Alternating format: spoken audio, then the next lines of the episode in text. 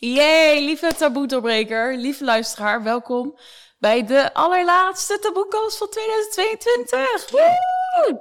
Super fijn. Ik wil jullie echt bedanken. Wij hebben laatst onze Spotify-gegevens doorgekregen.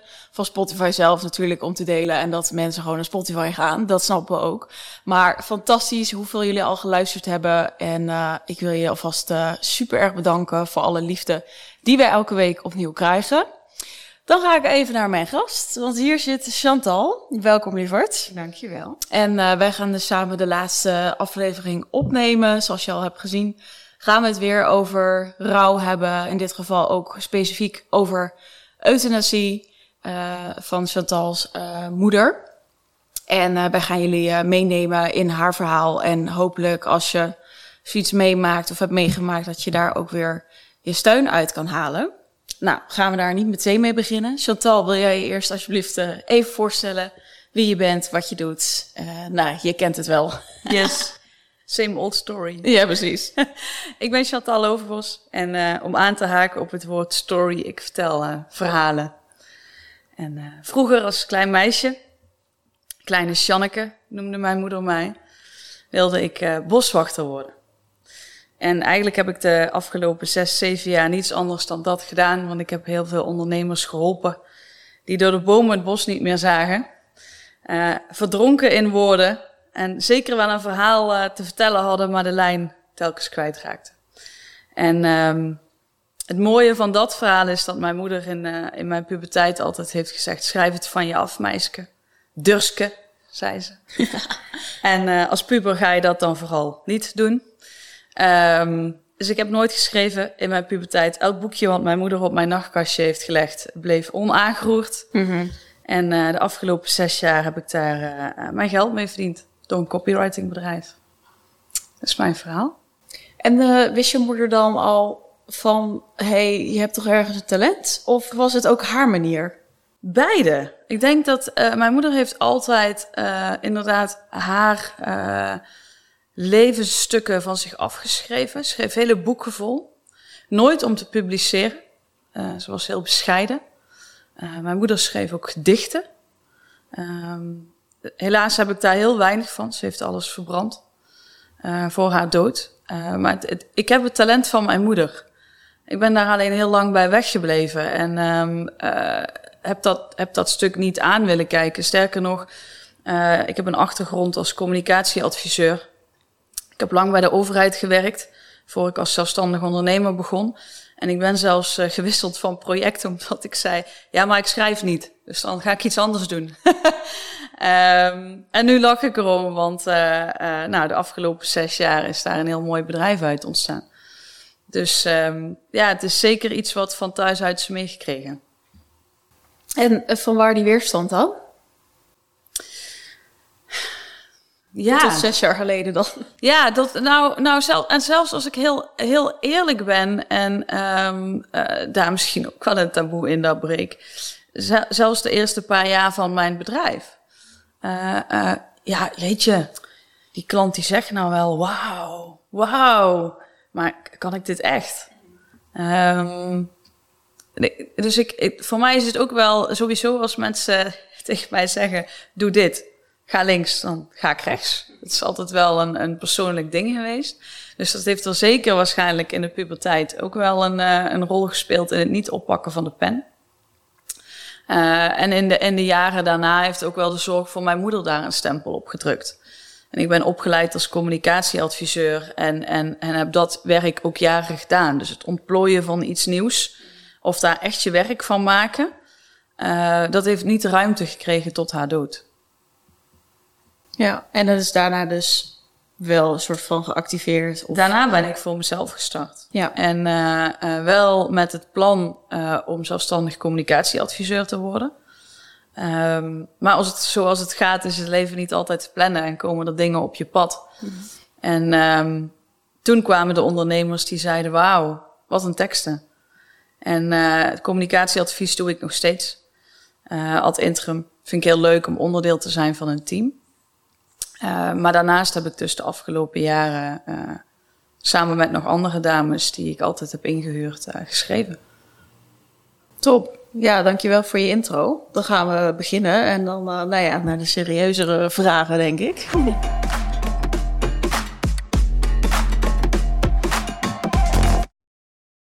Je had het al even over je moeder. En ook hè, dat ze bescheiden was. Kun je ons meenemen naar nou ja, hoe je een moeder ja, voor je is geweest? Nou, in mijn, uh, in mijn jongere jaren, in de fase dat zij dus inderdaad uh, de schrijfboekjes op mijn nachtkastje heeft gelegd, was zij ook zeker wel een aanwezige moeder. En heeft ze um, voor mij gezorgd. En, en, een voorbeeld daarvan is um, dus de, de bordjes fruit die ze sneed. En dan maakte ze allemaal, was bijna een kunstwerk, allemaal kleurrijke stukjes fruit, kiwi en appel en wortel. En dan lagen daar altijd of een paar dropjes of een paar koekjes naast. Want bij iets gezonds mocht dan iets lekkers. Um, dus ik, ik heb de zorg van haar wel ontvangen. Um, maar de periodes waarin zij uh, zich, zich niet lekker voelde, en dat, is uiteindelijk nog een understatement. Maar in het begin uh, begon dat met migraine. Uh, mijn moeder had vaak maagzweren. Um, en als, als meisje, uh, de leeftijd die mijn dochter nu heeft, jaar of 10, 12, dacht ik nog: oké, mijn moeder heeft, heeft migraine en maagzweren. En, en nu weet ik dat dat een, een fysieke uiting was van de psychische klachten die zij had en de zwaarte die zij heeft ervaren altijd. En met dat ik ouder werd, uh, in mijn herinnering, ik denk dat ik 15, 16 was, dat, dat de periodes dat het goed met haar ging steeds korter werden en de dalen steeds dieper. Ja, wat je zegt van, ik zag het eerst als migraine, of hè, nog voor een soort van fysieke klachten. Wanneer was Chantal oud en wijs genoeg om wel te zien van, hé, hey, wat is er echt met mama aan de hand dan? Nou, ik denk uh, dat ik um, 15, 16 was. Um, ik ben vanaf mijn negentiende als mantelzorger fulltime voor haar gaan zorgen.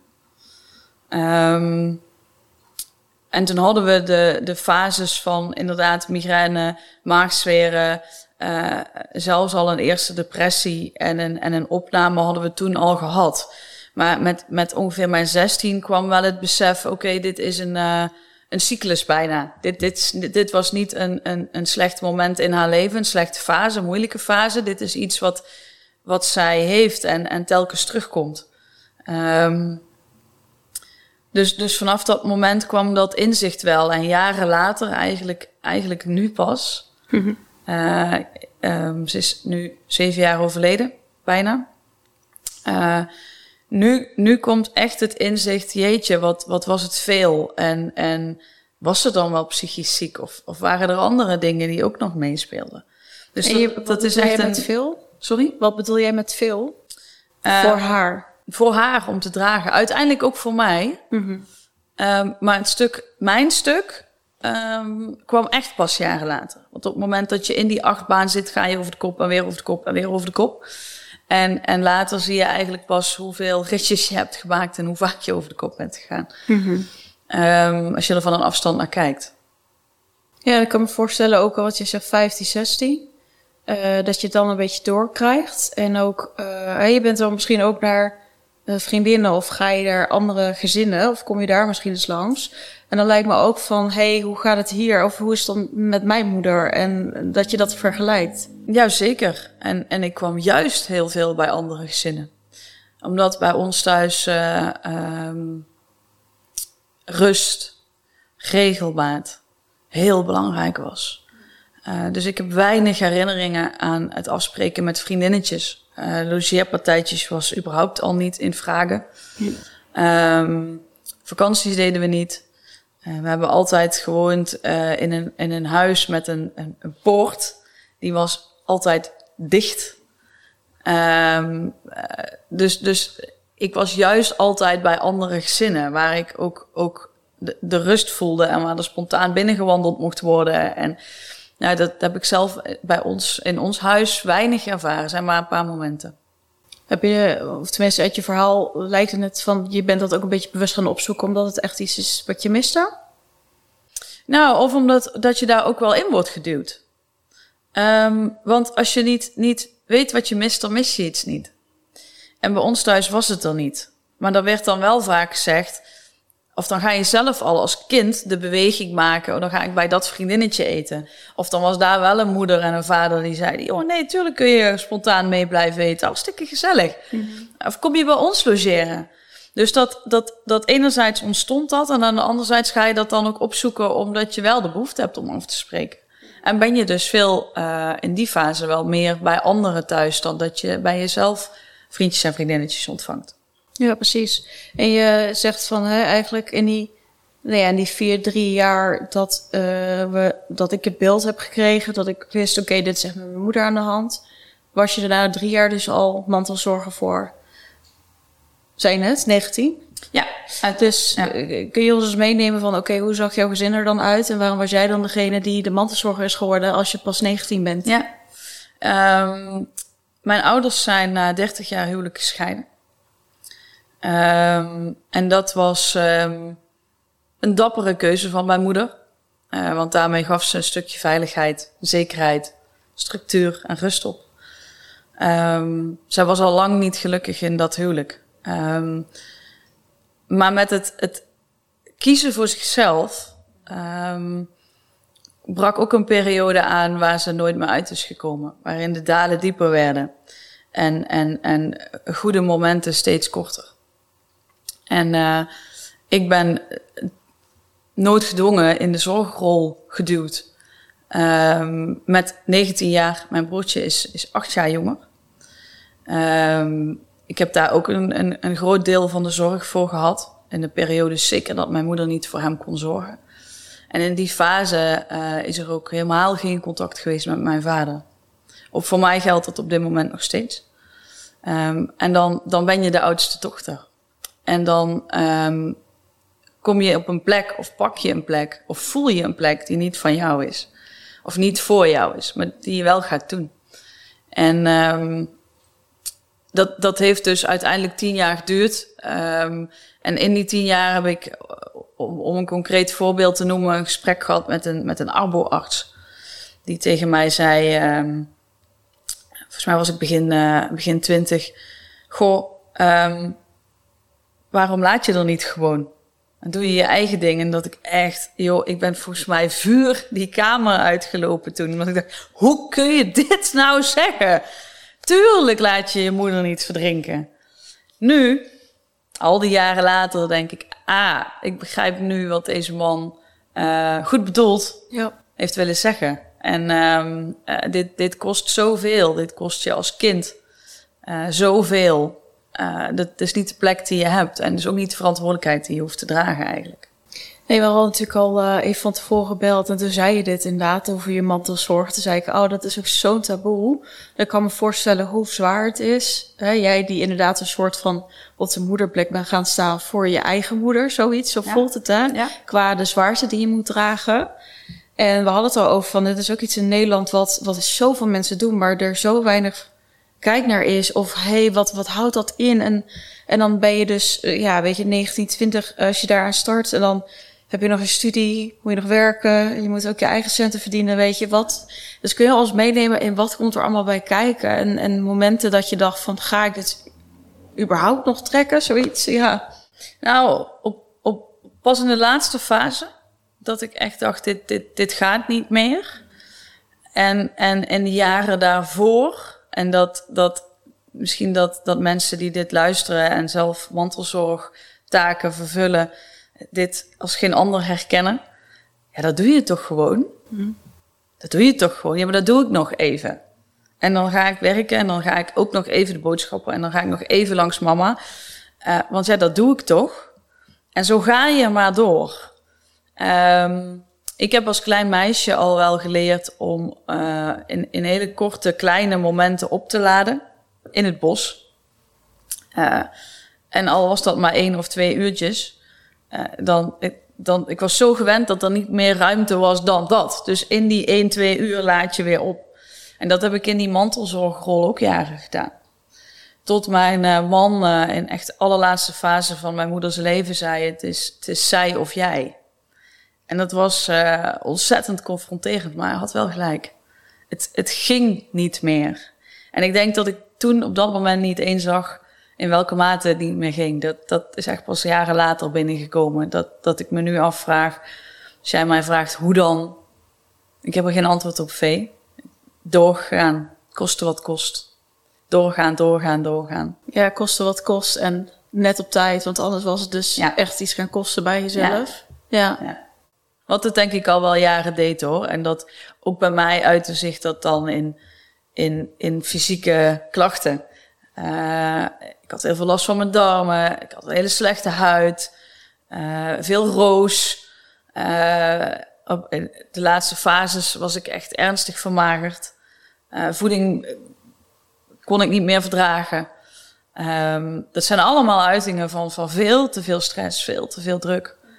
Ehm, maar nogmaals, als je dat al tien jaar hebt, dan denk je: ja, ik heb gewoon een slechte huid. En dat is niet iets wat nu is. Dit heeft zo lang geduurd dat ik daarna pas ben gaan zien: het was geen slechte huid, dit was stress. Ja, het is zo, weet je, eh, als je het zegt van en door en door en eh, een soort uh, overlevenmodus klinkt het bijna van inderdaad het moet. Maar ja, hoe krachtig je dan moet zijn en dat is voor iedereen denk ik die een mantelzorger is. En, en dat, je, ja, dat je het gewoon doet. Maar en, en hoe dan? Ja, ja. Maar um, hoe was het voor je? Want kijk, je bent een mantelzorger van uh, een, een mama waar het dan niet heel goed mee gaat. Het, hoe was dat dan om naast haar te staan, zo al die jaren? Um, ontzettend zwaar. En toch zou ik het niet anders hebben gedaan. Ik heb haar um, tot, tot de laatste minuut gesteund. Um, en daar sta ik nog steeds achter. ik ben heel dankbaar dat we dit samen hebben kunnen doen. In het laatste jaar heb ik, hebben we ook, vaak naar haar uitgesproken: Mam, we kunnen nog. Ik merk dat het me nu nog steeds raakt. We kunnen nog één ding samen doen. En dat is jouw wens in vervulling laten gaan. En um, dat, dat zou ik meteen weer doen. Meteen weer. Ik zou alleen nu wel misschien iets meer mijn eigen grens aangeven. En, en aangeven, goh mam, dit, dit kan ik wel. En op dit moment kan ik het wel. En dit kan ik niet. Um, want, want ik ben ook van waarde. Mijn leven doet er ook toe. Mm. En mijn leven is pas begonnen uh, uh, na haar dood. Toen heeft ze mij opnieuw het leven gegeven. Zij heeft ruimte gemaakt voor mij. En um, ook dat is heel mooi. Is uiteindelijk een hele krachtige beslissing van haar. Ja, heel mooi. Ja. Hey, hoe was jullie band? Um, ja, dus niet echt als een moeder en een dochter, denk ik. Wel en niet. Um, de bordjes fruit waar ik over vertelde, dat is natuurlijk echt een moeder die, als je huiswerk zit te maken, dat, dat bordje fruit kon brengen. Um, dat is ook iets wat mijn broertje zich kan herinneren. Um, maar winkelen met mijn moeder als dochter, als je het dan hebt over moeder-dochter, ja, dat, dat kon niet. Want de muziek in de winkels, die ik vet cool vond, die stond veel te hard. Hmm. En dat kwam bij haar veel te veel binnen. Um, dus dat zijn dingen die ik niet met haar heb kunnen doen. En um, in, een, in een latere fase sta je op zo'n andere plek. Ben je in gesprek met artsen. Um, zit je bij een levenseindekliniek. En, en dan, dan ben je de dochter van een moeder die zegt... Ik wil niet meer leven. En ik weet dat ik een dochter heb. En ik weet dat ik een zoon heb. Ik weet zelfs dat ik een kleinkind heb. En toch wil ik niet meer leven. Mm. Ja, dat, dat, is, dat is bizar. Dat, uh, als dochter voelt dat ook dat je daar zit vanuit een zorgrol en wederom denkt: oké, okay, dit ga ik doen. Kom, mam, we gaan dit doen en ik weet dat dit jouw wens is, dus ik steun jou hierin. En, en tegelijk zit je daar als dochter. Die denkt: maar wat, wat, wat zeg je nou? Hoe kun je nou kiezen voor de dood als je ons hebt, als je mij hebt? Ja, het lijkt me een beetje in zo'n spagaat van uh, en je wil iemand steunen en hoe ga je dan om met je eigen verdriet? Of is dat iets wat je maar toch maar even aan de kant zet, omdat je zo met haar dan bezig bent? Ja, dat kwam later. Ja. Op het moment dat zij um, na, na haar dood was daar pas ruimte voor. Afscheid nemen heb ik gedaan. Dat zie ik ook als een, als een, als een rijkdom. Um, dat is een van de redenen waarom ik hier zit. dat ik euthanasie een, een hele waardevol iets vind. Ehm, heel waardig en heel waardevol. Ehm, dus afscheid nemen heb ik gedaan. Maar verdriet en, en ook mezelf vinden. Ehm, er was namelijk daarna pas ruimte en plek uh, voor mij en voor mijn gevoel, mijn behoeften. En ook de vragen, wie ben ik dan? En dat was niet iets van, nou laten we daar eens even twee maanden op kouwen. Dat heeft echt anderhalf jaar geduurd, alleen dat stukje. Om dat, dat deel te verwerken. En, en um, dus ook te komen bij, wat is nou mijn talent? En jeetje, ik kan ook schrijven. Wat meteen weer gaat met verdriet, hè? Ik heb het dus van haar en ik kan niet meer vragen, hoe ging dat dan? En uh, ja, dat, dat, is, dat, dualiteit is ook wel het woord, denk ik. Ja, voelt ook wel echt zo van. Hè? En, en ik voel ook, eh, dat zei ik ook al toen we even belden, van zo de krachtige vrouw. Maar er zit natuurlijk ook altijd iemand die. Of ja, in ons zit ook een klein meisje en ook een moeder nodig heeft. Ja. En dat lijkt me ook echt een gemis. Ja. Ja. Op sommige momenten. Ja, en dat, dat is het nog steeds. Mm. Ik. Um, uiteindelijk duurt het, duurt het doorbreken van patronen die zo hardnekkig zijn, minimaal zeven jaar. En, en uh, toevalligheden bestaan niet. Mijn moeder is nu zeven jaar overleden en ik, ik kan nu op die periode terugkijken. Uh, en de stappen die ik ook zelf heb gezet. Um, om van schrijven mijn vak te maken. En, en nu zelfs de kracht van woorden in te zetten uh, in de heling voor anderen, in trauma voor anderen. Daarin zie ik nu ook weer een beweging ontstaan. En um, zeker ook weer in deze fase. Ik merk nu dat ik heel veel opgeruimd heb. Uh, van, allerlei therapieën en coaching gehad hierop. Uh, ook heel veel spirituele zoektochten hierop gedaan. En zeker dat laatste stukje. Uh, de spiritualiteit is wel iets wat ik, waarvan ik daar nu ook weer nieuwe inzichten ontstaan. hey, ja, nou, we plakken daar een label op en we zeggen iemand is psychisch ziek. Maar was ze dat wel? En is dit dan wat mama altijd heeft bedoeld met ik, ik hoor stemmen en ik zie dingen en uh, er komen dingen binnen? Dat is iets wat bij mij nu aan het, aan het openen is de laatste jaren. En, en dan, dan juist dan weer kom je in een fase dat je denkt, oh nou, hoe was dat dan? En kunnen we daar dan ook anders naar kijken als alleen als, als je bent ziek? Is dat niet ook een talent? Ja, wat je noemde het aan het begin van het gesprek ook. En uh, en jij zei van, hè, dan heeft ze het uh, zwaar gehad. Of ja, ik snap wel dat ze dit misschien niet heeft kunnen dragen. Dan heb jij het onder andere ook over de, de stemmen of misschien dingen die ze zag. Omdat ze dus spiritueel ook heel erg was. Ja, ja. Ik, uh, en het blijft gissen, hè? -hmm. uh, want ik kan het haar niet meer vragen. Maar de puzzelstukjes vallen nu. En, en toen we in, dat, in, in, in haar sterfproces zaten, in die laatste fase uh, dan, dan ga je met elke arts door, door papieren boekwerken vol met woorden en, en, en diagnoses. En dat is allemaal vanuit de gezondheidszorg en psychisch en dit label en dat had ze niet. En uh, nou, weet je, nogmaals, voor de mensen die kijken, het waren echt boekwerken. Um, dan zit je daar zo in. En nu, in, in al die jaren later, denk ik, ah ja, ze zei, ik hoor stemmen en dan komen s'nachts, ik heb zo'n levendig dromen. Het, het, het, ik kan het niet aan. En sinds dat, dat, dat ik dat ook ervaar, nadat alles opgeruimd is, het trauma stukje eraf is, alles een plekje heeft gekregen, is de ruimte om dat stuk te openen.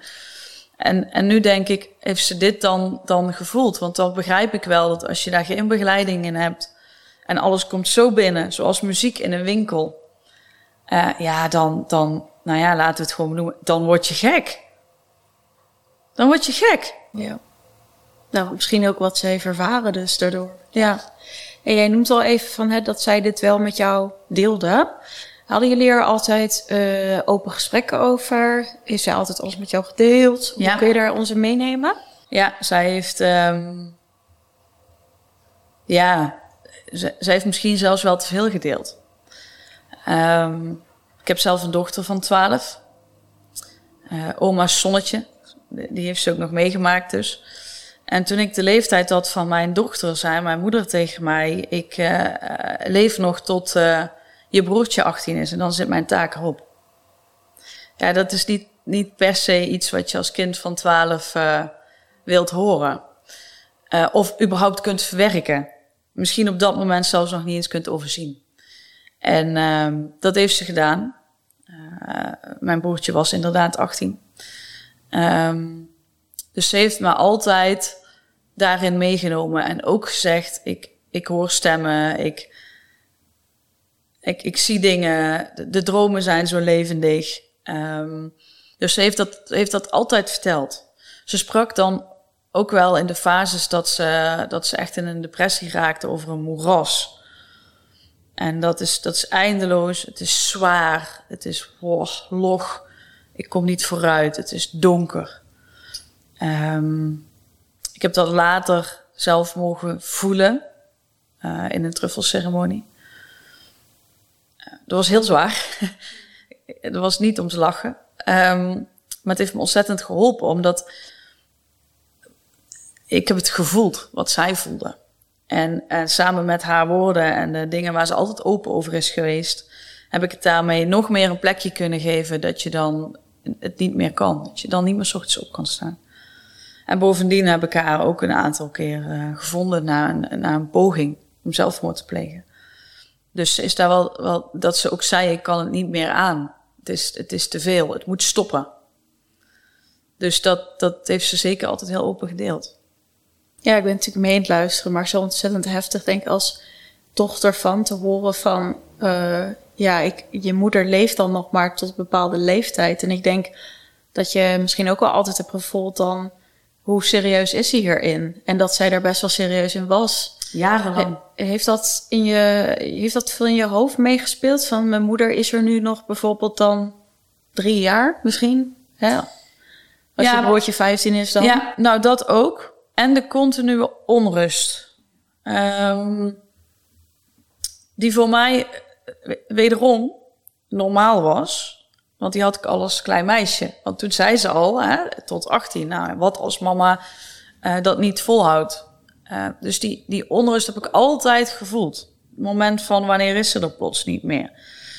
Um, maar voor mij is dat dan een soort van, niet, niet soort van, voor mij is dat normaal. Ik wist niet beter.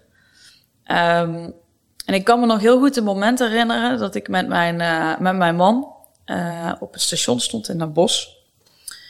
Um, en toen ging de, startte de omroepdame um, dat, er, uh, dat de treinen richting Eindhoven niet uh, rijden in verband met een aanrijding met persoon. Mijn moeder leefde toen nog. Hm. En voor mij was dat was zijn reactie toen zo'n spiegel, ik kende hem toen twee of drie jaar, en alle kleur trok uit zijn gezicht. En hij dacht meteen, oh, de moeder van Chantal dat ik dacht, oh, oh, wat reageer jij heftig. En dat hij mij spiegelde, maar, maar nu begrijp ik wat jij continu, elke dag onderhuids eigenlijk voelt. Wat een soort van tweede verhaallijn is, wat, waar we altijd op uit kunnen komen op enig moment. En, um, maar je zit er zo in en het duurt al zo lang. Het is geen fase van een jaar. Dit is eigenlijk mijn leven geweest als klein meisje al. Dat je het zelf niet eens meer ziet dat dat niet normaal is. Ja, dat je vriend dat zo spiegelt. Ja, ik ben even meeleven van, oh ja, wacht even, zo voel jij je altijd. En dat dat je nieuwe normaal is. Ja. Dat, ja, zo bizar. Maar ja, ook, en zoveel mensen die er wel ook in zitten met een ouder die waar psychisch iets mee is. Ja. Ja. Of een broer of een zus. Precies. Uh, want het, het doet ook heel veel in een gezin. Um, een van de eerste therapieën die ik heb gedaan was in een, in een groep met gelijkgestemden. Uh, met, met ook kinderen en broers en zussen. En um, ik heb, het is mij gelukt om, om mijn broertje enorm uit de wind te houden. Juist door het leeftijdsverschil. Dat heeft mij heel veel gekost. Um, maar hij heeft heel veel dingen op dat moment in elk geval niet zo ervaren. Pas jaren later. En um, ik ben daar heel dankbaar voor, want daarmee heeft hij een, een, normale jeugd gehad. Heeft hij niet rondgelopen met, het, met de onrust waar we het net over hebben. Uh, want dat kwam allemaal bij mij. Mijn telefoon ging als er iets zou gebeuren. Ik was contactpersoon. uh, ik was degene die haar vond. In de periode dat ze bij mij in huis woonde en mijn broertje ook bij mij in huis woonde, uh, wist ik al, ze heeft een hele slechte nacht gehad en ik ga haar heel slecht, misschien zelfs wel dood vinden, de slaapkamer. En dan stond ik op en dan deed ik de boterhammetjes van mijn broertje en die stuurde ik naar school op de fiets. En dan belde ik de conciërge om te zeggen, hij komt wat eerder, maak er maar wat van. En dan kreeg hij niks mee. En hij was de deur uit en dan ging ik bellen voor de ambulance. En dan had ik weer contact met school. Kunnen jullie hem wat langer daar houden? Want ik moet nog naar het ziekenhuis. En dan gooide ik het op een migraine of uitgedroogd door haar maagzweer. Maar zo heeft hij een, een, een relatief, in ieder geval voor een langere periode, een wat rustigere jeugd kunnen hebben zonder zorgen. En um, ik ben, dat heeft dubbel zoveel gekost, maar ook daarvoor, ik zou het meteen weer doen. Ja, ik vind het wel heel krachtig eh, dat je het zegt van, hé, hey, ik zou het weer zo doen. Uh, ik snap het denk ik wel met de liefde naar je familieleden. Uh, maar ook als, ik denk ook de luisteraars die het ook meeluisteren en ik ook, dat ik denk, jeetje, wat heftig. En dat je zo bewust al daarmee bezig bent. En misschien was je nu wat ouder, maar weet je, je bent alsnog kind van. En dat je, dat ik twintig was. Ja, precies. Dus dat is nog steeds, weet je, je bent, weet je, laten we even eerlijk zijn, als je twintig bent, je bent ook nog niet uh, wereldwijs. Hè? We denken het, maar we zijn het niet. uh, maar goed, je wordt wel wereldwijs door dit soort dingen. En, maar zo op de overleefmodus, dat je gewoon de ambulance belt. En ja, hoe is dat als je moeder dan vindt? Is dat dan overleefmodus ook? En ja. hup, door? Want het is toch eigenlijk zo onmenselijk. Nou, het is, het is overleefmodus. En, en uh, bizar, maar waar. Uh, je wordt er ook goed in. En, en nu denken luisteraars misschien, die dame is zelf helemaal gek geworden. nou, klopt een beetje. Ja, een beetje. Uh, maar je, je, ik heb haar uiteindelijk vier keer gevonden. En een van de laatste keren, um, ik, ik wist dat ik, ik, ik had dagelijks contact, bijna continu. Uh, dus je, je, je merkt vrij snel als het echt bergafwaarts gaat of ik ook gewoon geen contact meer kan krijgen. En ik was op dat moment op zoek naar uh, woonruimte uh, voor mezelf en voor mijn dochter. Um, en ik wist dat zij een poging had gedaan. En ik ben heel bewust eerst het gesprek aangegaan met de verhuurder van een huis. Um, in de wetenschap dat terwijl ik met hem zat te praten, misschien wel de laatste minuten van mijn moeder waren. Omdat ik ook wist dat nadat ik haar zou vinden, of vanaf het moment dat ik haar zou vinden, kwam er een stop op mijn dagelijkse leven. In elk geval voor twee weken. En dat huis was voor mij en mijn dochter belangrijk. Um, dus dat moest ik eerst doen. Ook al betekent dat dat ik dan toch net te laat bij haar ben. Dit, dit is haar wens. Ik heb nu acht jaar alles eraan gedaan. Ik moet nu eerst voor mezelf zorgen en voor mijn dochter en dit gesprek over dat huis doen. En dan stap ik in de auto. Dan breng ik mijn dochter naar mijn ex-man. En dan zeg ik ook, vanaf nu heb ik je echt anderhalve week nodig. Hier is ze. Want ik moet nu voor mijn moeder gaan zorgen. En hij wist dat ook. En dan trok ik de deur dicht en dan was het inderdaad zo. Dat is een van de laatste keren dat ik haar ook heb gevonden. En dan ga je dus heel bewust stap je eigenlijk een crisis in. Hm. Ik heb later veel uh, crisiscommunicatie mogen doen vanuit mijn werk. En ik denk dat dat talent daar wel is, uh, is ontstaan. Toch niet alles is aangeboren. Nee, Sommige helaas zijn aangeleerd. Ja. ja. Ja, want je zei het al, en je zit hier ook niet voor niets, omdat je ook voorstander bent van euthanasie. Ik kan me voorstellen vanuit je verhaal. Uh, ik ken ook mensen die zeggen van uh, euthanasie, nou, het, het, hoort gewoon dan bij het leven, het lijden. Um, wanneer heeft jouw moeder, eh, wanneer ben je met je moeder naar uh, de kliniek gegaan? Of heeft zij gevraagd van, joh, ik zie het echt niet meer zitten en uh, ik, ik trek het niet meer, ik wil graag hulp? Dat is het enige wat ze niet verteld heeft. Je vroeg me straks, was ze open? Ja, ze was zeker heel open. Over wat ze zag en niet meer wilde zien. En ook over haar doodswens. Um, maar hiermee heeft ze me verrast. En um, we zaten op een, op een terrasje. Ik weet zelfs nog veel wat ik, heb, wat ik had besteld en wat zij dronk. Ik weet nog precies welk tafeltje. Um, en we hebben wat gepraat over koetjes en kalfjes. En aan het einde van het gesprek zegt ze: Oh, nou ja, ik, uh, ik moet je nog iets vertellen. Ik heb een uh, aanvraag ingediend bij de Levenseindekliniek. En die is al verstuurd. En mijn reactie zegt alles over de plek die ik had, had ingenomen. Ik bleef ontzettend rustig, zoals ik hier nu ook met jou zit te praten. Goh, mam, wat fijn dat je dit deelt. Hoe ben je nu op dit punt gekomen? Wil je daar iets over vertellen? In plaats van de dochter die misschien een huilen uitbarst. Ja, precies. Ja. Dat moment kan ik me ook nog herinneren, want dat heb ik daarna gedaan. Maar niet op het moment zelf op het terras. En ik heb uh, begrip geuit, uh, uitgesproken dat ik haar steun. Um, en zij voelde ontzettend veel opluchting.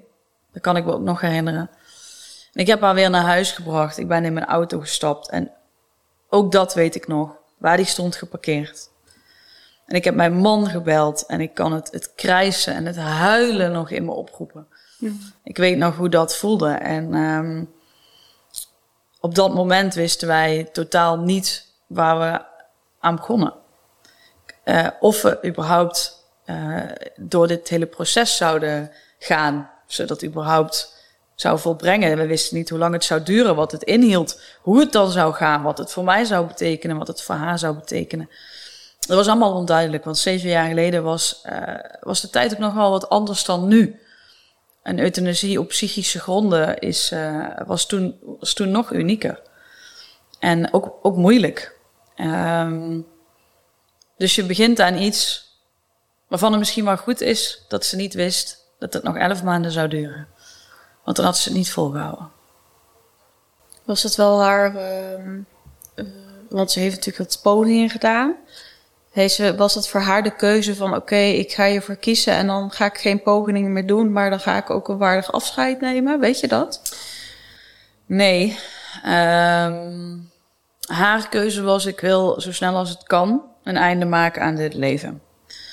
Um, uiteindelijk is dit proces in gang gezet in, in samenwerking en, eh, met haar psycholoog, psychiater, uh, de GGZ. Uh, die voor zichzelf ook in een proces gingen.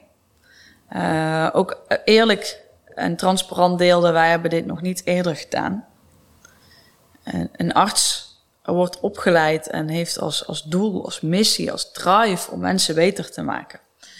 Dus ook voor dit team, wat ons al, al jaren begeleiden, ook als kinderen, om, om te zeggen: we gaan een traject starten met de levenseindekliniek, was voor hen destijds de eerste keer. Met psychische achtergrond wil jij? Ja, ja. Uh, als psychiater was hij toen. En, en uh, hij is daar vanaf begin af aan heel transparant over geweest, door ook te zeggen: dit is voor ons ook nieuw. Dit, we gaan ook, ook ik heb hier een gevoel bij, zoals we dat allemaal hebben. En ik heb ook niet de antwoorden. Um, maar zij hebben dit uh, gesteund uh, om, om haar een waardig afscheid te gunnen. En ook om ons als kinderen een waardig afscheid te gunnen. En dat, dat is ook de, um, het argument geweest om, om haar in dit leven te houden in afwachting van.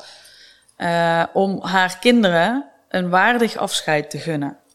En dat is de enkele en de enige reden waarom ze dit elf maanden heeft volgehouden. Als ze, ze van tevoren had geweten, dit gaat elf maanden duren, dan, dan had ze dat niet gedaan.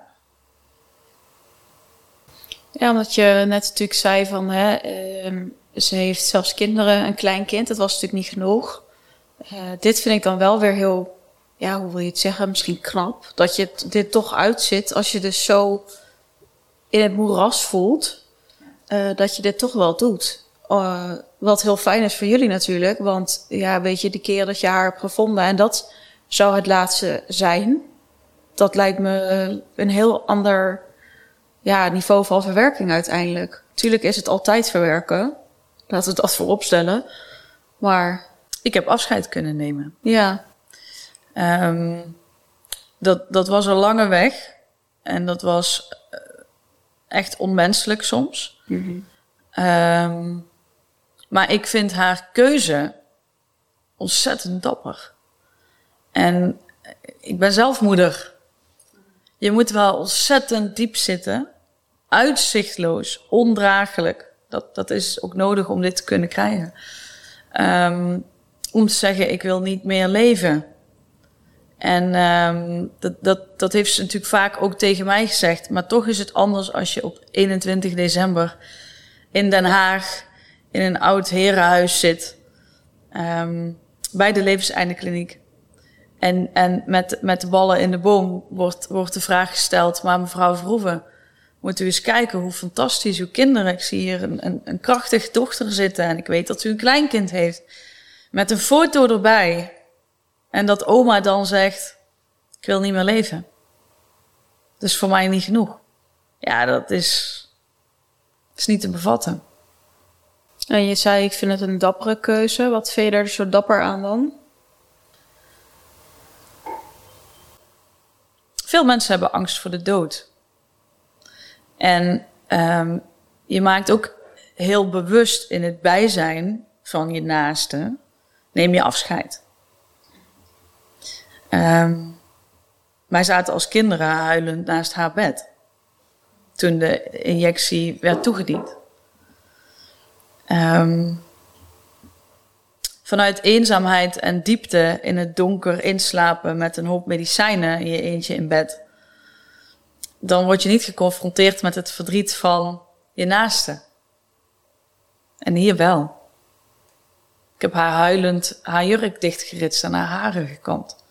Dat, dat lijkt me ook ontzettend moeilijk om dat te zien. En toch achter je keus te blijven staan. Ik vind dat heel dapper en heel krachtig. Ja, mooi beschrijft, denk ik. Ja, je zou het ook kunnen zien van... Uh, hè, iemand zou het ook kunnen zien als juist laf. Dus ik vind het mooi dat jij benoemt van... hé, hey, ik zag dat als dapper. Ja. Oh, maar dat gevoel heb ik ook gehad. Daarna vooral. En wat vond je dan laf? Um, nou, het, het, de steek gelaten. Het... Um, de, de hele nasleep van, van haar dood is ontzettend lang geweest. Ik heb geen contact met mijn familie. Die hebben dit niet kunnen accepteren, haar keuze. Uh, en daarmee mijn steun ontzettend veroordeeld. Um, dus ik, ik bleef wel echt eenzaam achter. En um, met nog steeds ook wel een, een deel zorg voor mijn broertje. Uh, voor mijn eigen dochter. Um, ja, dan, dan, dan, dan komt wel de kleine Sjanneke, die dan toch weer zegt, ja, en ik dan? Mm. Ik bedoel, lekker makkelijk, ik wil niet meer leven. Maar ik krijg nu alle shit over me heen. Alle oordelen over euthanasie. Alle verwijten van de familie, al het onbegrip. De vragen van mijn dochter. Uh, die als meisje van vijf dit natuurlijk niet, niet kon bevatten. Um, en, en ik dan? lekker makkelijk. Ik wil niet meer leven. Toeledoki. Maar de beslissing aan zich was niet makkelijk. En ik denk dat het, dat het juist heel gezond is vanuit een kindplek om dat te voelen. Het, het ging alleen in de fase daarna wel samen met gemis en verdriet. En het, het zoeken van nou, wie, ben, wie ben ik dan zonder deze zorgrol? Ja, dat, dat was. Ik had het straks over een rollercoaster. Dit was er eentje met drie van die karretjes naast elkaar. Nee, ja, ik snap ook wel dat je dat, dat het uh, en dapper kan zijn en laf. En dat je boos bent en verdrietig. En toch ook uh, misschien zelfs een beetje opgelucht of blij als je dat zo kan zeggen. Weet je, als je alles hebt meegemaakt. Dus ik denk wat je zegt, een rollercoaster van emoties. En je zei van uh, 21 december kwam eigenlijk die beslissing zo. Uh, nou, je zei het al, we zitten hier met de kerstboom, de feestdagen, kerst, oud en nieuw. Ja, wat, hoe, hoe beleef je zo'n dan als het goed is, dus de laatste keer. Heel um, bewust. Doe je er iets mee? Nou, zij. Kijk, een, euthanasietraject bestaat eigenlijk uh, uit, uit, uit verschillende fases. Um, waar je elke keer een, een groen licht moet krijgen. En, en het gesprek op 21 december was daar eentje van. Uh, en elke keer moet, moet de vraag consistent zijn. Ze moet wilsbekwaam zijn. Iemand moet wilsbekwaam zijn, in dit geval mijn moeder. En de vraag moet consistent zijn. Dus je krijgt over een langere periode elke keer hetzelfde gesprek. Waarin je dus elke keer als dochter hoort, tenminste in mijn geval zat ik daar altijd bij.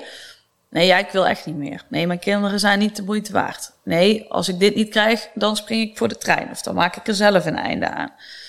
Keer op keer op keer krijg je dat te horen. En um, dat heeft in zijn totaliteit uh, zeker tien maanden geduurd. Want het allerlaatste groene lampje werd gegeven twee weken voor de uiteindelijke euthanasiedatum.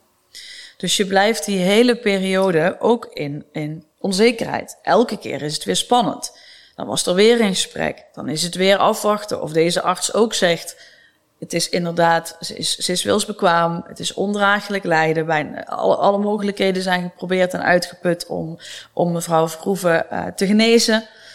Um, dus, dus wij gaan door naar de volgende fase. Um, en, en, en dan, nou ja, niet voor je het weet, maar uiteindelijk ben je dan dus elf maanden verder. En telkens zei mijn moeder, zeker richting de feestdagen, um, ik wil die niet meer meemaken. Als kind denk je dan, dan hebben we de laatste feestdagen. Terwijl als de arts bij de levenseindekliniek op 21 december had gezegd: Ik heb hier nog wel een injectie in mijn lade liggen, dan had ze gezegd: Doe mij die maar. Dus um, je gaat met onzekerheid feestdagen in. Je gaat met een, een, een laatste, het zijn de laatste feestdagen, maar misschien ook niet. Want wat als dadelijk een arts zegt: Nee, Nee, ik vind de vraag niet consistent. Uh, er zijn nog uh, therapieën te bedenken. Uh, dus de euthanasie gaat niet door. Dat was altijd ook een scenario. Dus je, je, je leeft, leeft heel erg in, in, in verschillende scenario's. En um, dat geeft ontzettend veel onrust. Wat, wat bij mijn moeder wel veel werd afgevlakt door het ophogen van medicijnen. Om, het, om dat proces draaglijk te maken. Eh, dat heeft ook een nadeel, want uh, dan, dan is een diepgaand gesprek over gevoelens. Het verdooft. Het verdooft. En dat gaf haar rust. Want de depressieve gedachten waren er niet. Andere dingen kwamen niet binnen. De dromen waren er niet. Um, dus, dus je laatste, laatste maanden waren dan een beetje zo'n roes door de middelen voor haar. Ja. ja. Ik heb één moment van helderheid gehad met haar. Uh, dat was kerstavond. Uh, toen heeft de apotheek een foutje gemaakt met haar medicijnen, waardoor ze te weinig medicatie had. En dat duurde de volgende dag tot we bij voldoende medicatie kwamen. En ik ben met haar een kaarsje gaan branden, dat deed ze altijd graag. En in die auto um, heb ik mijn laatste en heel bijzondere gesprek met haar gehad. Waarin ze zich vooral uitsprak over mijn man. Um, en dat ik het zo goed heb gedaan. En dat heeft haar ontzettend veel gekost. Dat was. Zij brak in duizend stukken, want zij voelde zoveel. Maar het heeft mij heel veel gebracht. Ja, dat raak je nog steeds. Ja, het was één gesprek eh, op kerstavond in het donker nadat we een kaarsje hadden gebrand. En um, ik, dat was een hele fijne fout. want dat heeft mij nog een moment met mijn moeder gegeven. Want op het einde waren die er niet meer. Je zei ook van uh, zij brak. Je bedoelt omdat zij ook zo erg de schuld voelde of... Zij, er waren te veel emoties. Ja. Het, het, het, een, een, een echt een geval van overmand worden door emoties. Het gesprek heeft ook niet lang geduurd. Het, dat waren echt, in mijn beleving was het een minuut of vijf. Um, waarin ze mij vooral uh, goed, goed achter wilde laten. En, en de keuze voor mijn man Nico wilde bevestigen. Ook in de zorg die hij heeft, op zich heeft genomen voor haar in de laatste fase. Um, en dat, dat, dat was, die bevestiging wil je. Want je moeder is niet meer bij je huwelijk. Of bij kinderen die je samen krijgt. Of bij andere fases die je in je leven samen doormaakt. Um, tenminste, niet fysiek. We zijn in september getrouwd en ze was er. Uh, maar ze, ze, ze, zit niet fysiek op een stoel. Dus voor mij was dat een ontzettend belangrijk moment. En alle momenten daarna, tot en met gesprekken over, goh mam, ik heb, ik heb ook na jouw dood nog, nog een taak. Want, want wil je begraven worden? Wil je gecremeerd? Wat wil je met de as? Dat zijn natuurlijk allemaal dingen die ik wel heb kunnen bespreken. Waar iemand met ouders of een naaste die een zelfmoordpoging doet, plots voor een situatie komt te staan. Uh, maar zij was zo ver weg zo onder de medicatie en ook wel afgesloten. Ook misschien om zichzelf te beschermen en afscheid te kunnen nemen van ons. Ja, boeit me niet. Kijk maar wat je ermee doet. Ja, maakt me niet uit. Ja, maar ben toch niet belangrijk. Dat waren dan, jullie zijn dadelijk van mij af. Dat was wel echt in de laatste fase haar, uh, haar gevoel. En uh, je had het even over uh, de fases van euthanasie. Je zegt van, nou, ik ben echt voorstander van euthanasie, omdat je dus bijvoorbeeld ook afscheid kan nemen. Uh, je, je wordt in het begin wel weer in die, die fase, of ja, je wordt naar daar gestuurd en dan moet je naar de volgende fase. En dus hoe zie jij zelf het euthanasietraject?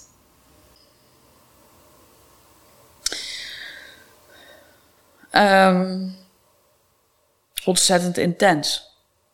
En niet te bevatten. Maar ik bedoel ook van, is het iets wat beter kan worden? Of zeg je, het is wel goed dat het in verschillende fases is? Nou, je moet, je moet, kijk, je moet wel heel zeker zijn van deze wens om, um, om, die, om die ook daadwerkelijk uit te voeren. En dat, dat, die zekerheid, die kun je misschien wel voelen. Maar die, het, is natuurlijk, het is echt wel heel goed dat een arts dat ook toetst. En dat er dan ook even wordt afgebouwd in medicijnen om te kijken of je hem dan nog zo voelt. En, en dat is niet alleen we stellen de vraag op vrijdag en we stellen de vraag op maandag.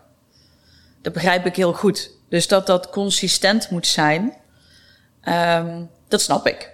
En, en natuurlijk moet die wens dan zwaarder wegen dan, dan het hier blijven voor je kinderen. Want anders is, anders is de wens niet hartelijk genoeg. Uh, wat ons heel veel onrust heeft gegeven in die fase, is het ook niet, niet, of in die periode, is het niet weten wat we precies. Er lag destijds nog geen draaiboek. Dus de aanvraag was ingediend, maar wanneer je dan de eerste reactie krijgt. Uh, of een simpele brief, wij antwoorden u binnen zoveel weken. Dat, dat, was, dat was er allemaal niet. Dus je, je, bent, je, je start een pad en je weet totaal niet wat er eigenlijk op je pad komt. En dat, dat heeft heel veel onrust gegeven. Uh, ook, ook als mantelzorger. Um, wat, wat ook een, een bijdrage kan leveren, of heel belangrijk is, is begrip vanuit uh, de omgeving en je werkgever, als je op dat moment eh, voor een werkgever werkt. Um, want dit kost serieus tijd. Behalve energie en aandacht en, en liefde kost dit serieus tijd. Ik heb de laatste vijf, zes weken van haar leven uh, ben ik met zorgverlof gegaan. Ik kon dat, dankzij mijn werkgever. Uh, en die had je echt nodig, want als ik niet voor haar aan het zorgen was, dan had ik dus tijd om mezelf op te laden. één uur, twee uur en dan zat ik weer in de auto. Want gesprekken met artsen werden last minute gepland. Um, dan werd nog onduidelijk, komt hij op locatie, moeten wij met mama ergens heen? Nou, dat was helemaal een hele onderneming in de laatste fase. Dus daarin wat meer duidelijkheid uh, kan wel ontzettend helpend zijn. Iets meer houvast. Ja, maar als ik je ook hoor van dat het toen allemaal zo nieuw was, dat het misschien nu ook natuurlijk alweer heel ja. anders is. Ja. Maar het lijkt me sowieso wel um, ja, ik denk dat je misschien soms als familielid of als je zoiets meemaakt en je hebt ook al pogingen gezien en dat je denkt, ja, ik, mijn hoop is ook op dat het soms voor je gevoel wat te lang kan duren. Of dat je denkt, ja, neem je iemand serieus. En aan de andere kant wat je zegt, ja, het moet natuurlijk ook niet een eendagsvlieger zijn van, oh, het gaat even door mijn hoofd. Maar ik denk dat mensen die daar komen, dat die daar sowieso nee. niet zitten. Nee je merkt wel dat ook naast het, tenminste toen in onze tijd wel, en dat, zal nu niet anders zijn, uh, hebben ook tijd nodig voor acceptatie. Acceptatie van de dood. En op het moment dat iemand uh, lijfelijk ziek is, is dat, is dat anders. Euthanasie, omdat je kanker hebt, dan, dan weet je dat je doodgaat. Uh, want anders start je dat traject niet op. En dan gaat het ook veel sneller. Want dan moet het vaak snel om lijden te voorkomen. Dit moet juist niet snel om te kijken of dat er iets consistent is. Uh, dus dat is, dat is totaal iets anders. En je, ik merkte ook wel dat ik gedurende dat. Kijk, je gaat hè, en je gaat maar door, en dat vertelde ik straks al. Um, maar in diezelfde periode dat je dus aan het zorgen bent, ben je gelijktijdig afscheid aan het nemen. En, en op een derde pad zeg je: wat, wat, zijn we eigenlijk, wat zijn we eigenlijk aan het doen? Wat, wat jeetje, euthanasie. En wat, wat als het wel lukt en wat voel ik daar dan bij? En natuurlijk steun ik hem, maar wat betekent dat voor mij? Ehm, ook dat heeft heel veel, dat heeft ook zijn tijd nodig. En dat kun je niet, niet regelen in een Excelletje of door een uitvaartondernemer te bellen. Dat heeft echt zijn tijd nodig. En um, ik, ik, denk alleen wel dat het misschien wat korter kan dan 11 maanden. Want dit was echt uitputting. Ja, voor iedereen eromheen natuurlijk ook. Ja. ja. Zelfs voor het team van de GGZ. Oh ja. Ja. Daar heb ik ook nog niet over nagedacht. Maar ja. daar doet natuurlijk ook heel veel... Ja, ja, tuurlijk. Het zijn ook mensen. Ja. ja. Die opgeleid zijn om mensen beter te maken. Ja, precies. En die in die fase niet alleen mijn moeder aan het ondersteunen waren, maar ook de kinderen. Mm. Uh, want als dochter van deed ik de gesprekken. Maar daar moet vervolgens ook zorg op. Um, dus wij hadden al, langer een, een PIT-verpleegkundige. Het is een verpleegkundige die in, in, huis komt, ondersteuning. één, twee keer in de week in het begin. Uh, voor mensen met psychische uh, trauma's en stoornissen.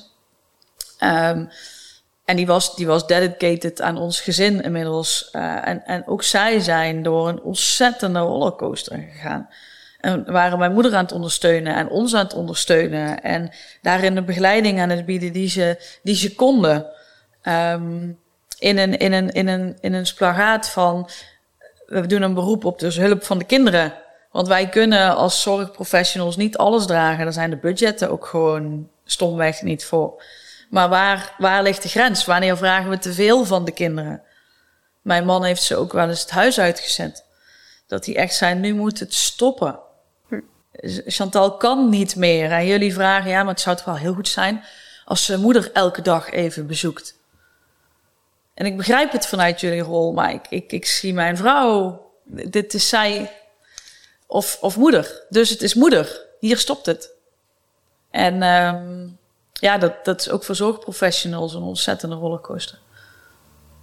Ja, en, en voor zorgprofessionals, maar dus ook hè, voor jou. En, en, en jij hebt dan een man die nog zegt van oké, hier stopt het. Want misschien had je zelf een andere keuze gemaakt. Dus ik denk ook helemaal als je in een mantelzorgrol zit of, of dit soort beslissingen meemaakt, weet je hoe belangrijk het dan ook weer is dat je dus zo'n steunpilaar ook in je leven hebt. Ja. Want anders dwaal je helemaal af of ga je maar mee in de gekte. Ja, zeker ook omdat ik het niet meer zag. Mm. Dat dit zo lang... Um, ik, ik heb niet voor niks na haar dood het verhaal geschreven dat ze mij opnieuw het leven heeft gegeven op het moment dat zij stierf.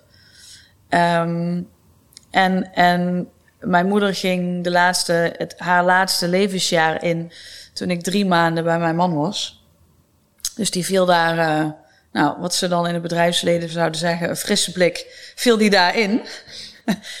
In de rollercoaster. Ja, precies. Um, Oeps, val ik even in de rollercoaster. Ja, ja. Dus die kon daar ook... Die, die zei wel, maar, maar Chantal, dit is niet normaal. Hè? Dit is voor jou normaal. Dit is al, al, al 27 jaar jouw leven. Maar even, dit is niet normaal. Ja, wake up. Ja. Ja. Ja. Ja, dus... Uh, ja, ik zat dat ook weer te denken van mensen die luisteren van... hey, hey heb je dan een steunpilaar?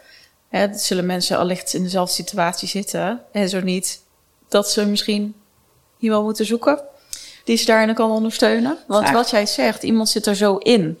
Dus zie je het zelf allemaal wel. Vraagt ook wel van je om open erover te zijn. Dat klopt. Heb je het idee dat daar, uh, dat daar dus ook te boel op zit? Van kan je daar open over zijn? In jouw geval is het natuurlijk psychisch, uh, psychische vragen en dan uh, euthanasie. Heb je dat zo ervaren dan? Of ken je verhalen? Nou, het, het, het, is, het is, je doet het maar gewoon. Dus dat is eentje, hè, waarom je mm. er dan misschien niet over deelt. Mm. Uh, mijn moeders uh, ziekteproces uh, ging zeker de, de, in de fase dat ze nog bij mijn vader was en ook net na de scheiding met golfbewegingen daar heb ik het enorm ervaren. Want ik ben wel, uh, ik ben iemand die, die van nature heel open is. Ik vind dat verhalen gedeeld moeten worden. Dus mijn werk. Ja. Ik heb daar niet voor niks mijn werk van gemaakt. Um, maar ik heb ook wel momenten gehad dat ik uh, op mijn, ik was toen nog in loondienst, op mijn werk ging. Omdat de telefoon ging dat mijn moeder een poging had gedaan.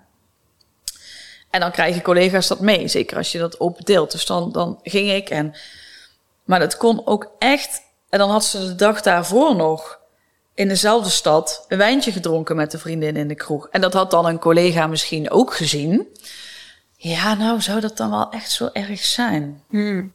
Is het dan niet... Nou, zou het niet aandacht vragen zijn? Ehm, is het dan wel zo erg? Ja, je, je moet zelf ook stevig in je schoenen staan Ja. dus. Want Ja. mensen die gaan daar dan het twijfelen een eigen verhaal van maken. Maar dat is denk ik met al die zaken die zo in het taboe zitten. En Ja. eh, mensen die eh, het leuk vinden om verhalen te maken en te roddelen en weet ik het wat. Ja.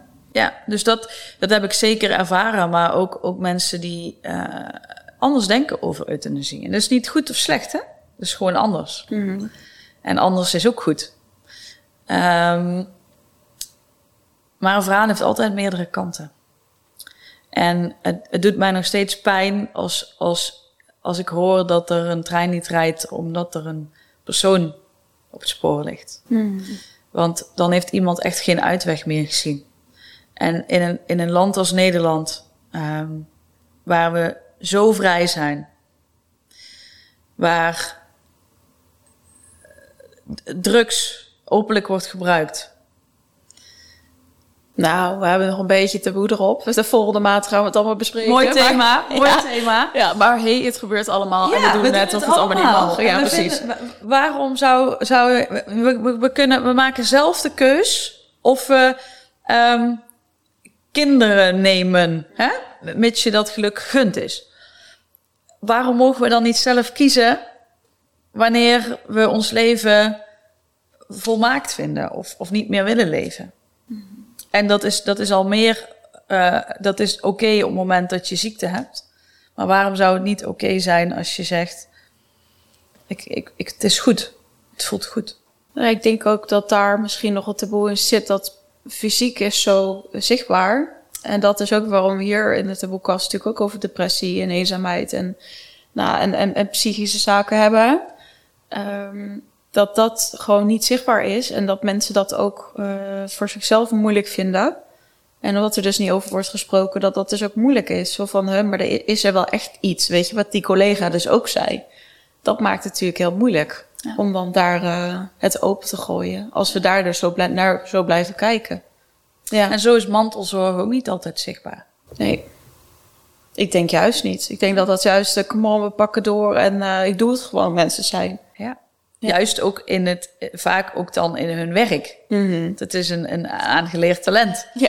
Dus dit zijn, dit zijn geboren eh, mensen die een crisis oplossen en het hoofd koel houden en, en in een omgeving kunnen acteren eh, waar heel veel onrust is en dingen onduidelijk zijn. Ik bedoel, mij bellen. maar, ehm, maar deze mensen zijn ook geen mensen die, die het hoofd laten hangen of de schouders laten zakken. Dat is die collega die je altijd kunt bellen, waar je altijd van op aan kan. Waar het nooit te veel is. Want dit zijn mensen die van Ture al heel veel dragen. Daar kan nog wel wat bij. Ja, superkrachtig wat ik al zei. Maar het is ook de valkuil van Ja. al deze mensen zichzelf voorbij lopen. Op een bepaald stuk of een bepaald levensgebied uiteindelijk. Ja. Als je het niet gaat zien natuurlijk. Ja. Dus zo heeft alles natuurlijk eh, twee kanten. Ja. Maar eh, wat ik nog wel vragen is, hè, want eh, je hebt wat verteld over euthanasie en we zaten eigenlijk nog wel in jouw verhaal. Je had ons wel even meegenomen, want we zijn al een uur bezig. Maar ehm, naar het afscheid, hoe was dat? En kun je ons ook meenemen dat Chantal dus eigenlijk ook het verdriet mocht gaan voelen en hoe dat dan voor je is geweest? Het hele proces, de rouw, hoe je het wilt noemen. Ja, het afscheid ehm, kan, ik, kan ik nog steeds niet bevatten. En ik kan niet zeggen dat wij door het team om ons heen niet voorbereid zijn als kinderen. Ehm, echt niet. Er, er is mij ook echt herhaaldelijk gezegd: het gaat heel snel. Ehm, en ik, ik, ik zat aan haar bed en mijn broer zat aan de overkant. En eh, ze hebben, mijn moeder is eerst in slaap gebracht. En vervolgens komt de injectie die haar hart stopt. En, en, en die wordt ingespoten. En ik, in mijn beleving had ik nog wel, zakt haar hart langzaam terug. En is daar ook nog een moment van echt loslaten. Nou, dat, dat was drie seconden. Zo, zoiets. Ja. Ja. En ik heb geschreeuwd en ook nog gezegd: stop, stop, want dit gaat te snel voor mij. Dit, dit, dit, het- ik raak nog in paniek. En ehm, later is me ook wel. Kijk, mensen die niet, niet, niet dood willen, die willen vechten voor het leven, met hun kinderen aan hun bed. eh, dat- dan duurt dat, dat stoppen van het hart duurt veel langer. De mind is krachtig. Ehm, het lichaam is ook krachtig als je niet wil. Dan heb je vuur, dan vecht je. En mijn moeder wilde niet meer vechten. Dus dat was inderdaad snap with the fingers. En, en, en ze was, was weg. Ehm, wat er ook heel veel uitkwam, die avond zelfs al, was vermoeidheid. Eigenlijk als één kwam dat eruit. Ondanks dat er nog veel geregeld moest worden voor haar uitvaart. Met een delen hadden we dat natuurlijk, omdat wij afscheid konden nemen, al gedaan. Dat is ook iets wat mijn man op zich heeft genomen. Ehm, zodat ik de ruimte had om afscheid te nemen van mijn moeder. En de dingen op te schrijven die ik haar nog wilde zeggen. Dus dat, dat, dat, was een intense week. En daarna heb ik vooral ontzettend veel vermoeidheid gevoeld. Eh, mensen die, die bekend zijn met een burn-out. eh, alleen dan echt heel erg lang. Eh, ontzettend diep. Waarna daarna pas het puzzelen kwam en het, en het opbouwen naar wie ben ik nou en wat heeft dit allemaal betekend. Ehm, maar, de, maar het afscheid zelf en dat er ook daar dan weer een arts daarna moet komen om de doodsoorzaak vast te stellen. Ehm, het verdriet ook van, van haar ouders en haar zus, die er niet bij waren omdat ze het niet konden accepteren, maar later wel eh, uitgenodigd zijn om afscheid te nemen. Ja, dat zijn hele bizarre dingen. Ja, ik zit even mee te denken van, oh, het lijkt me ook wel eenzaam als mensen dus niet achter je keuze staan en dat je ze ook niet meer ziet met je afscheid. Ja. Ja. Gevoel van, eh, ja, eenzaamheid. Ja. Ja. Maar voor jou ook, van, hè, het, het voelt ook wel van, nou ja, dat je eindelijk dat, dat ik, ik, ik ga voor je door en voor het, door het vuur letterlijk, wat zij dan niet meer had, dat dat dan er even niet meer hoeft zijn en dat Ja. heel je li- lijf gewoon een soort van instort of je systeem van oké, en nu, en wie ben ik? En Ja. het lijkt me zo gek wat je zegt, hè, dan 29 jaar eh, of 30, 29 of 30. Nee, ik ben nu eh, vijf. Ik was eh, eind twintig toen ze overleed Oh ja. uiteindelijk. En dan ehm, dat, dat, ja, weet je, van wie, wie ben ik eigenlijk? Want heel je leven was daarop gebaseerd. En wat ik dus wel heel mooi vind, is dat het uiteindelijk wel jouw verhaal is geworden. En dat het ook je kracht is gaan worden. Ja. En dat je ook bent achtergekomen van, hé, hey, maar ik lijk zoveel op mijn moeder. Ja, Ja, dat, dat staat lijkt ook, me soms ook wel dubbel. slaat een ontzettend gemis. Ja. Want, want ehm, haar talenten, waar ik dus de afgelopen jaren achter ben gekomen, haar uiterlijk. Ehm, maar ook, ook haar, haar spirituele kanaal nu dus blijkbaar. En daarmee ook, ook weer een stukje begrip, hè? Gemis van, goh mam, hoe was dat dan bij jou? En hoe kwam dat bij jou binnen? En hoe ging dat dan? Nieuwsgierigheid. Ehm, maar die heb je ook op, wanneer kwamen jouw eerste grijze haren? Want ik zie ze nu. hoe oud was jij? Ehm, dat zijn allemaal dingetjes. En ehm, die zie ik natuurlijk ook, die had ik ook bij de geboorte van, van of met, met de fases waar mijn dochter doorheen gaat. Ehm, dus dat zijn allemaal dingen waarin je, maar dat, dat geldt voor iedereen, waarin je naast ontzettend mist. Voor mij is ook nog wel geweest, en, en ehm, het was het zoeken naar mezelf, het was het, totaal leeg zijn, door alle, alle, alle reserves heen. Ehm, het ontplooien van je eigen ik en je eigen talenten en het afkicken van. Ik heb echt, het, het gaat maar door en gaat door en gaan en gaan. Ik was verslaafd aan adrenaline. Mijn adrenaline niveau was zo hoog. Ehm, ik heb daar echt jaren van af moeten kicken. En dat heb ik, heb ik ingevuld met sport.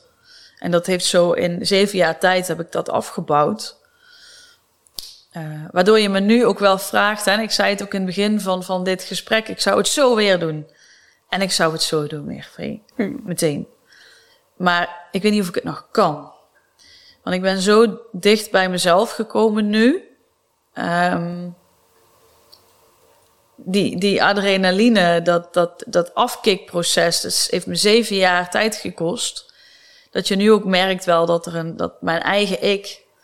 ehm, je merkt dat veel mensen op het moment bezig zijn met human design. Mijn blauwdruk staat, staat echt haaks op dat wat ik heb gedaan tot mijn dertigste. Ben je een Dus- projector wat? Ja. De mensen die er niks van kennen, denken, what the F? Dat zijn de types die vooral nou ja, niet te hard... Nou ja, Hebben ook geen Ja. eigen energie. eh, Nee. nee. De- Dus hoe dan? ja. Ja, omdat je dus zoveel adrenaline hebt opgebouwd dat dat je laat gaan. En nu is dat echt allemaal afgebouwd, afgekikt. Eh, eh, bij mijn eigen talenten aan de slag met wat mij echt past. Vanuit daar is ook de opening gekomen met alles wat ik nog meer kan en te doen heb hier. De vraag is alleen, kan je dan ook, ook nog terug? En uit liefde zou ik het nogmaals zo weer doen. Eh, maar het, het was echt een afkikproces ook. Die heeft ook gespeeld. Ja. Mooi. Wat is iets wat je aan de luisteraars wil meegeven? Of als ze proces hebben meegemaakt, erin zitten. Nou, ik denk dat we samen het afgelopen gesprek, dik uur geloof ik, al, eh, al, veel, al veel hebben gedeeld. Maar het, aan- het aangeven van grenzen voor jezelf, ehm, dat is, dat is een, een hele belangrijke eh, les die ik wil meegeven als ik er nu op terugkijk. Dat zag ik niet toen ik erin zat. Hm. Nog even het haakje naar het gesprek met die arboarts. Later toch dat ding doen en kies voor jezelf. Nou, kies voor jezelf. Ik zou nu hetzelfde zeggen. En ik ben niet de arboarts achter een bureau. Ben iemand die dit zelf heeft doorleefd. Ehm, maar zoek daarin een, een, een balans. En dat is ontzettend moeilijk. Dat is knijter moeilijk. Maar wel belangrijk. En als het gaat om, om euthanasie of mensen met, met psychische klachten, ehm, neem, neem heel bewust afscheid. Pak die kans. Zie het als een kans. En als een waardig afscheid. Wat, wat helaas nog steeds heel veel mensen niet, niet hebben, niet krijgen. Omdat een naaste toch zelf beslis, beslissing maakt om, om uit het leven te stappen. Uh, maar ik denk dat we, en om welk taboe het ook gaat, iedereen moet respecteren voor het maken van een keuze. Want een keuze is nooit goed of slecht, het is anders. En iedereen maakt die voor zichzelf. En uiteindelijk hebben we twee dingen in het leven en dat is angst en liefde. En we hebben angst om te verliezen of misschien om dood te gaan. Of we vinden ergens iets van, vanuit die angst. Um, maar vanuit liefde loslaten is, is denk ik iets heel krachtigs. Waarbij je ook jezelf uh, ontzettend veel gunt. Dat zie ik ook. Ik, kan, ik, kan, ik steun haar nog steeds. Ik ben blij dat we dit, raakt me weer, dat we dit tot op de laatste snik samen hebben gedaan. Ondanks dat het me ontzettend veel heeft gekost. En ik gun dat iedereen. Ja, dankjewel voor het delen. Ik vind het ook heel mooi dat het je soms raakt en dat dat ook oké okay is. En ja. dan gebeurt dat gewoon. Ja. Hey, wil je ons uh, nog even als laatste meenemen als afsluiter waar je, uh, wat je uh, op de planning hebt staan als je het wil delen met je nieuwe, je nieuwe ideeën? Want ik denk dat de luisteraars wel uh, geraakt zijn door je verhaal, dus ook wel benieuwd zijn naar, nou ja, dat ze misschien iets herkennen en bij jou dus ook iets kunnen komen halen. Om het maar even zo te noemen. Nou, dat mag. Ik, dat is ook de reden, Vee, dat ik hier zit. Ik, ik, wil graag dat dingen openlijk besproken worden. Of ze nu gaan over drugs, je in januari uh, op ingaat. Ja, zeker. Of seks, of euthanasie, uh, of seksueel misbruik. Uh, zo zijn er tal van uh, taboes te noemen. Helaas, het zijn er veel te veel. Mhm. Mm -hmm. En um, ik weet ook wat de kracht van woorden kunnen zijn. In, in, in dit soort podcasts in verhalen delen. Um, en ik, ik merk dat, dat dit alles mij uh, naar een pad heeft gebracht, ook als schrijfster. Want uh, ik ben Chantal en ik schrijf niet. naar ik ben Chantal en ik schrijf wel. En dat, uh, dat heeft de afgelopen zes jaar naar, naar fantastische ondernemersverhalen geleid. Ik heb, ik heb ook echt voor, voor ondernemers mogen schrijven die met een missie en een verhaal hun podium pakken. En, en dat is heel krachtig. Ik, ik merk alleen nu dat, er, dat het tijd is voor een volgende stap. Uh, waarin ik mensen mag uh, gaan helpen met het schrijven van hun eigen verhaal. De patronen daarin zien, zoals ik die nu zie na jaren. en die door middel van de kracht van woorden doorbreken en daar een stuk heling op zetten. Zoals mijn moeder vroeger zei, schrijf het van je af. En dat krijgt vorm in, in, in wandelingen. Duik ik toch weer de bossen in. Daar ben ik heel graag. De boswachter. De boswachter. Daar is met, ze, een, hoor. met een veer in mijn haar. Met haakje gesproken. Ja. Daar zijn we dan. Ik kom toch weer terug als boswachter. En uh, uh, schrijfceremonies. Uh, schrijfcoaching. In, in die hoek gaat het in januari starten. Dat houdt ook in dat ik mijn bedrijf liefdevol daar ook afscheid van ga nemen. In ieder geval in de vorm dat het nu staat. Mm. en dan komt er weer een nieuwe fase.